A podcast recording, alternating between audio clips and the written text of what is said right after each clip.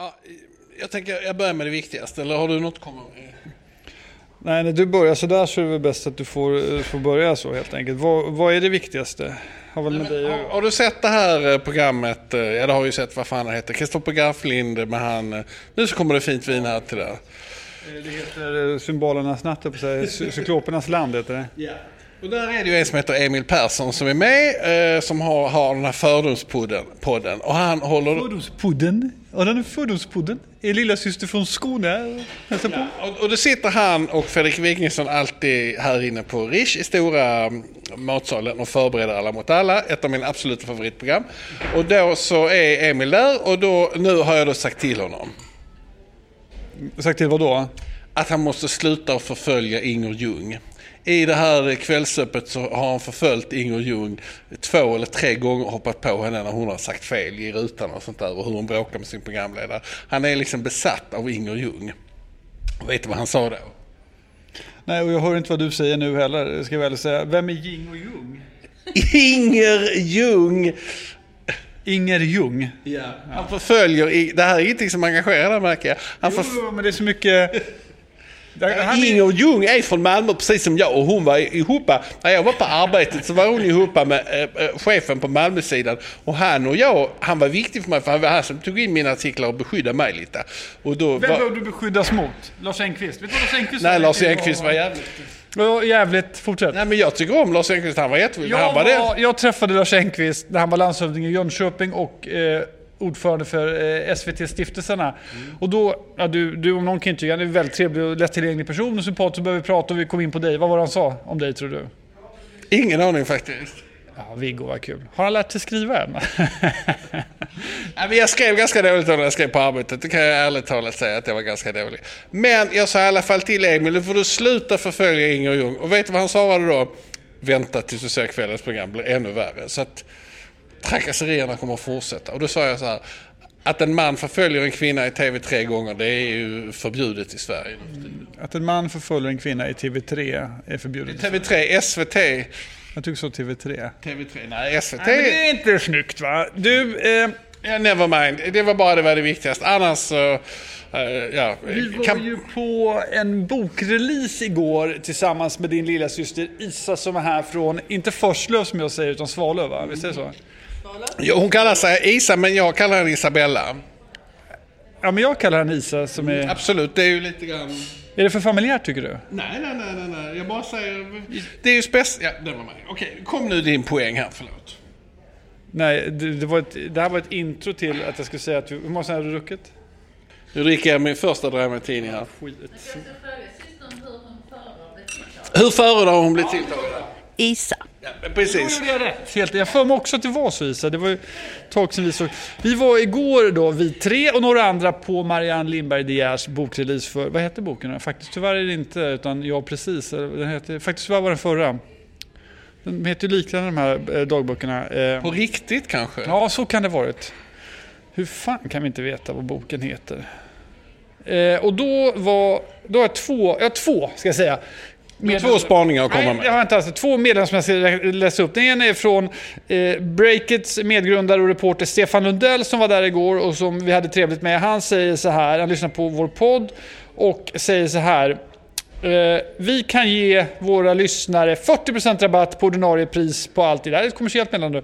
Om man skriver koden Lundell40. När man Lundell 40. men jag tänker att man kan skriva Lundell 70 så får man 70% rabatt.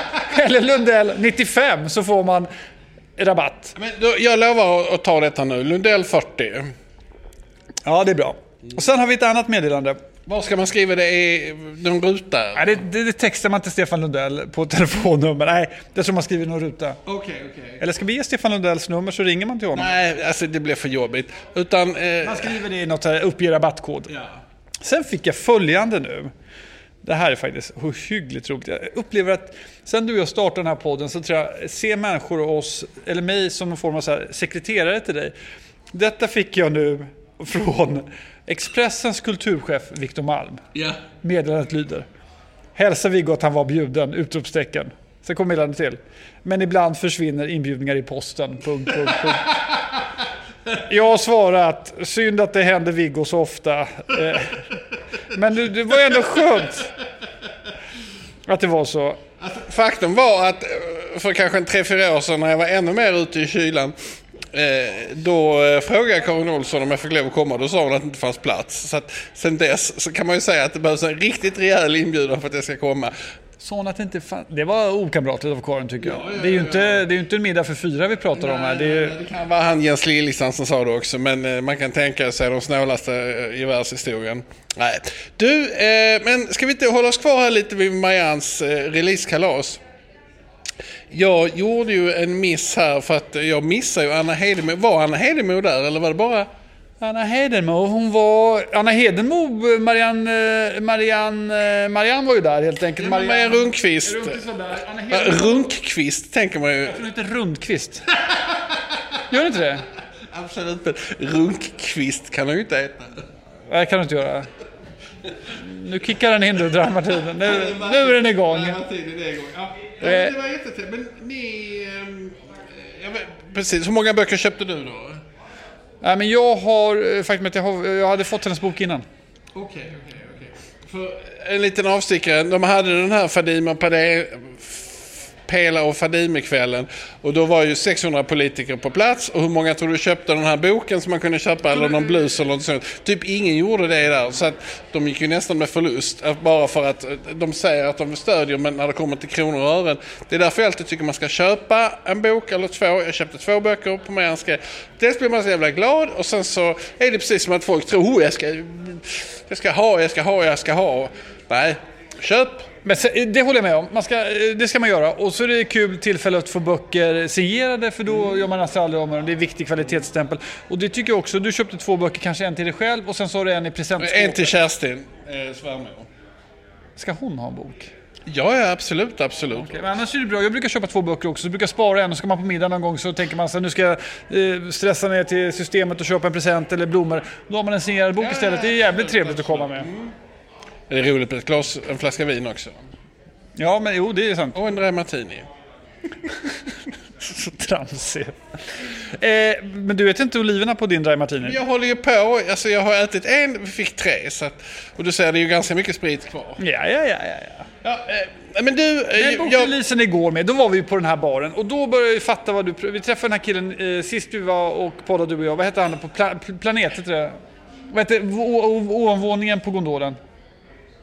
Hette inte Planeten? Café eller vad? nej, klotet heter Klotet. det är restaurangen som ligger bredvid. Och sen så det heter något, jag vet inte, upp i luften på något sätt. De behöver få till, de behöver få till, eh, PG och Matilda kom till, till eh, det här releasestället efteråt. De behöver få till det där lite grann, för det, jag tror liksom, kanske blir det bättre i sommar när man kan gå ut där. Men jag det, tror detta är bara liksom ett litet appendix för att de ska sen ha världens största uteservering. Så det, det där uppe är egentligen bara eh, att, för att det var innan, innan på Eriks tid så byggde de, hade de ju uteservering där, men då byggde de liksom ett tillfälligt kök, alltså typ ute i det fria. Så att detta är liksom mer, det är bara förberett på ett annat sätt. Så att, eh, Ja, jag tror att du har rätt att, i det. Det kommer bli väldigt trevligt. Ja, det kommer, det, nu är det lite som att vara äta i ett kylskåp på något sätt där uppe. Det är kallt och det, även om det inte blåser där inne så känns det som det blåser för att det ligger på liksom ett blåsigt hörn.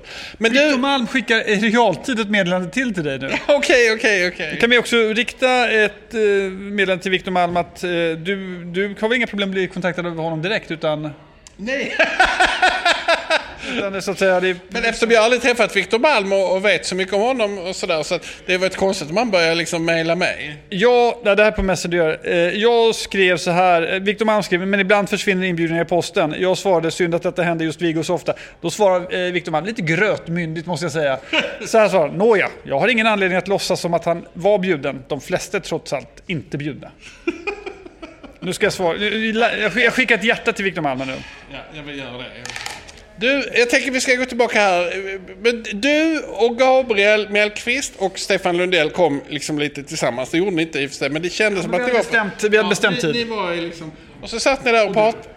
Ja men absolut, men jag skulle ju bara vara där i typ två minuter. Och sen satt ni där och pratade med Karl Johans dotter, eller hur? Ja, eh, Och så, precis. så hon den här jättetrevliga eh, som skriver, den enda som skriver på kulturen där, eh, konstigt nog. Har de satt in en frilansare? Vad är nu hon heter? Hon heter... Hon som har eh, fått ett barn själv, så hon kom med barnet. Hon var inte med i ert sällskap. Nej, förlåt, jag är inte riktigt med nu. Men, och så var Christian Fricke med i vårt sällskap och sen så sagt ni, Christian? Christian Fricke.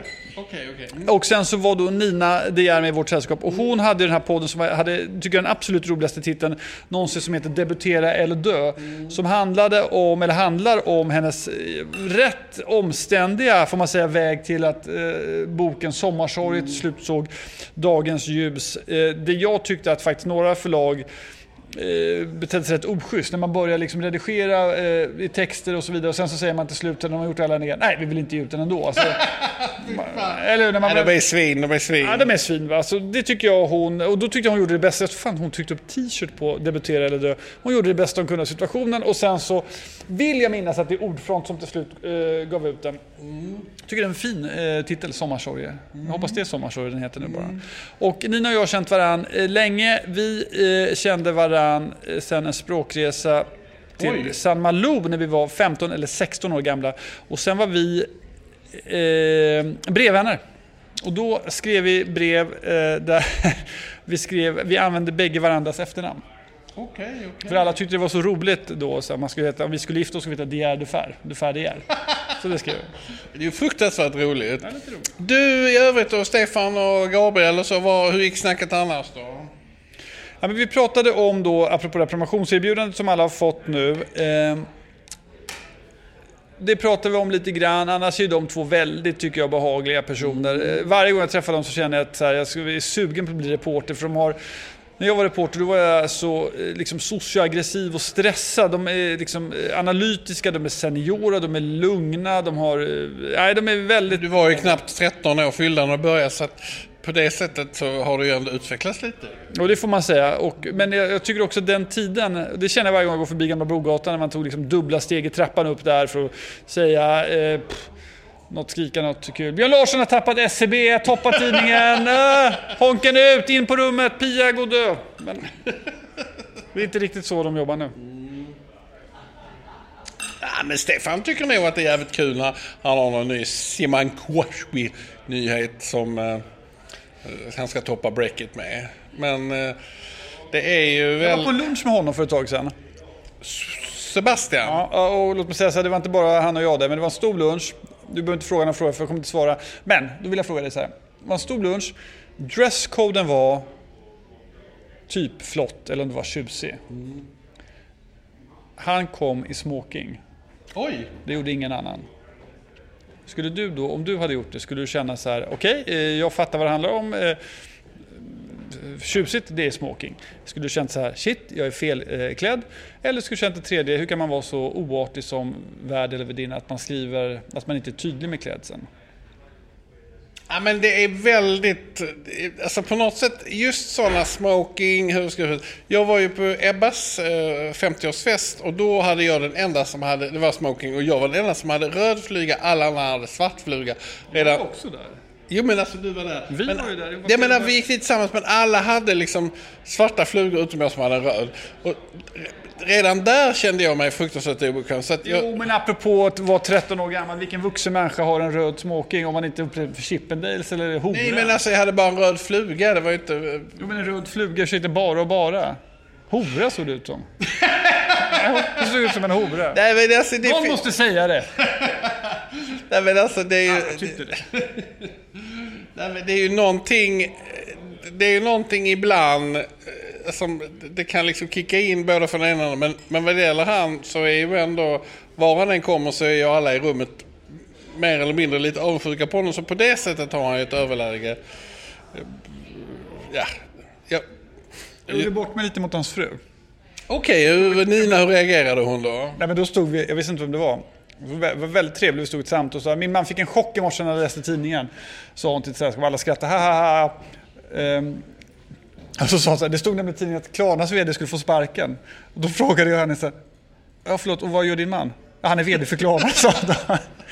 Men det var jättekul ju. Ja, det var, men alla andra hade ju koll på det utom jag. Men, men hon eh, verkade väldigt, eh, väldigt trevlig faktiskt. Okej, okej, okej. Eh, Ja. Ja. Min kompis Dag, hans blivande fru, jobbar ihop med den här Nina i alla fall. Oklart vad de håller på med. Men det är ju liksom internet... Hon var någon marknadsperson på Coca-Cola när, eh, tidigare liksom, eller något sånt. Äh, skitsamma. Du, eh, eh, nej, men så här, jag tyckte igår också det var kul med eh, med, det finns ju liksom ett klientel som kom på, på de där drink. Jag kommer ihåg när jag hade mitt boklist för roman 4, då sa Marianne Lindberg där, det här är den dagen när Östermalm kommer till Gamla stan för att det var, som hon tyckte då så här tydligt, eh, Dina kompisar dök upp. mina kompisar dök upp. Men jag tyckte så här, det finns ju kring henne en tycker jag då, spännande grupp människor som är kring hennes ålder som har liksom eh, tillhört den här generationen som både hon och, och, eh, hon och hennes man Carl-Johan tillhör och som hållit på med kulturutövandet. Mest känd är ju naturligtvis då Marie-Louise Ekman, hans eh, Carl-Johan Deers förra fru. Men det, det finns liksom ett intressant, som man säger då, posse kring dem. Och det blir väldigt, eh, tycker jag, tydligt. Den här, vad heter de här skådespelarna? Hon som var gift med Göran Stangertz tidigare också. Hon heter, vad heter, vad fan heter hon? Hon var där. Ja, men jag... Precis. Vad heter Katarina Evelöv som jag tycker är skit, absolut skitsnygg. Och Quickly naturligtvis. Han barnekorv, var hon där? Hon, var inte, hon kanske kom lite senare. Det är väl liksom lite... Jag Han är, nej. Nej, hon, kom, ja, hon var... Nej men de brukade, fast det var ju ja, förr i tiden, så åkte han, Kristoffer och Karl-Johan och Marianne, de åkte på semester ihop. Och läste deckare på den tiden, de läste deckare. Eh, Vet du, men jag har varit med om så jävla egogrej i veckan, vet du vad? Eh, eh, Nina och Rolf van den Brink, de är bekanta, eller hur? absolut, kanske... Jag läste hans eh, fredagskrönika nu här på LinkedIn. Han har börjat skriva liksom... Kulturveckan, det är roligt, eller hur? Ja, nej men det är jättebra, jättebra. Jag, eh, precis. Han borde skriva, tycker jag, om hur veckan ska bli så man kunde veta vad man ska gå på. Men de gjorde så jävla fin grej. De hade bägge två, apropå, de var på min bokrelease i augusti. Och så köpte de varsin bok. Och så eh, läste de ehm, eh, den samtidigt. Och nu ville de eh, eh, så till lunch och så hade de lite frågor om boken och eh, var enormt stöttande och hyllande. Jag blev väldigt glad för det faktiskt. Det var otroligt stärkande att, eh, och, och en gullig gest också när man eh, känner någon som har skrivit en bok att både ta sig igenom den och sen nu kommer det in inte så fullt intresserade syster av vår podd. Jag får säga, mina barn är med, de är lite mer aktiva, men Isa hon är inte... Isa, kan inte du sätta dig lite närmare så ska jag ställa några frågor om hur du var syster till Viggo Kavling. Fråga ett är, hur ofta får du förhålla dig till att Viggo är din storebror? Uh, hur men, alltså, du menar andra människors... Ja, men det är ganska ofta ändå. Mm. Vilken ålder var det så att säga, för han är ju din storbror som sagt och det skiljer två år mellan er eller något sånt. Hur, eh, fanns det någon ålder då det var jobbigt? Typ, är du eh, bror till eh, kufen Viggo Kavling eller är du bror till häradsbetäckaren Viggo Kavling eller är du bror till... Uh, ja, men som syster, som ni vet, pojkar, så är ju då kvinnor lite mer, ofta utvecklas lite tidigare. Så att jag kände väl lite när vi växte upp att, att vi var liksom mer jämbördiga, så att säga. Alltså kände inte att han var min storebror på det viset liksom. Förrän kanske Viggo blev riktigt vuxen och var liksom 20 plus. Då blev han lite mer storebror. Men vad du säger egentligen är att både Viggo var som bror både fysiskt och mentalt efterbliven. Det är egentligen, eh, det är egentligen vad du säger. För att två år är ändå... Jag skulle kanske inte uttrycka det på det viset, men, men eh, ja, jag tror att pojkar kanske ibland, jag vet inte, mognar lite senare. Men han var en jättefin bror i alla fall, såklart. Jag, jag kände det när jag träffade, vi har ju träffats många gånger förr, men jag träffade dig igår också på den här releasen. Jag har ju en syster som är 16 eller 18 månader yngre än mig. Det vill säga nästan som man pratar om det som mellan er också, är pseudotvilling. Vi är, precis som jag uppfattar det också, nära varann men också i totalt olika världar och inte så intresserade av varandras världar. Du, inte, du har inte lyssnat på podden så mycket eller liksom, eh, det finns någonting i det som tycker jag som, när man som eh, eh, syskon själv tänker så här, vi har vuxit upp, vi är ungefär lika gamla, vi har vuxit upp på exakt samma sätt och så blir man så jätteolika. Vad tänker du om det när du ser på Viggo?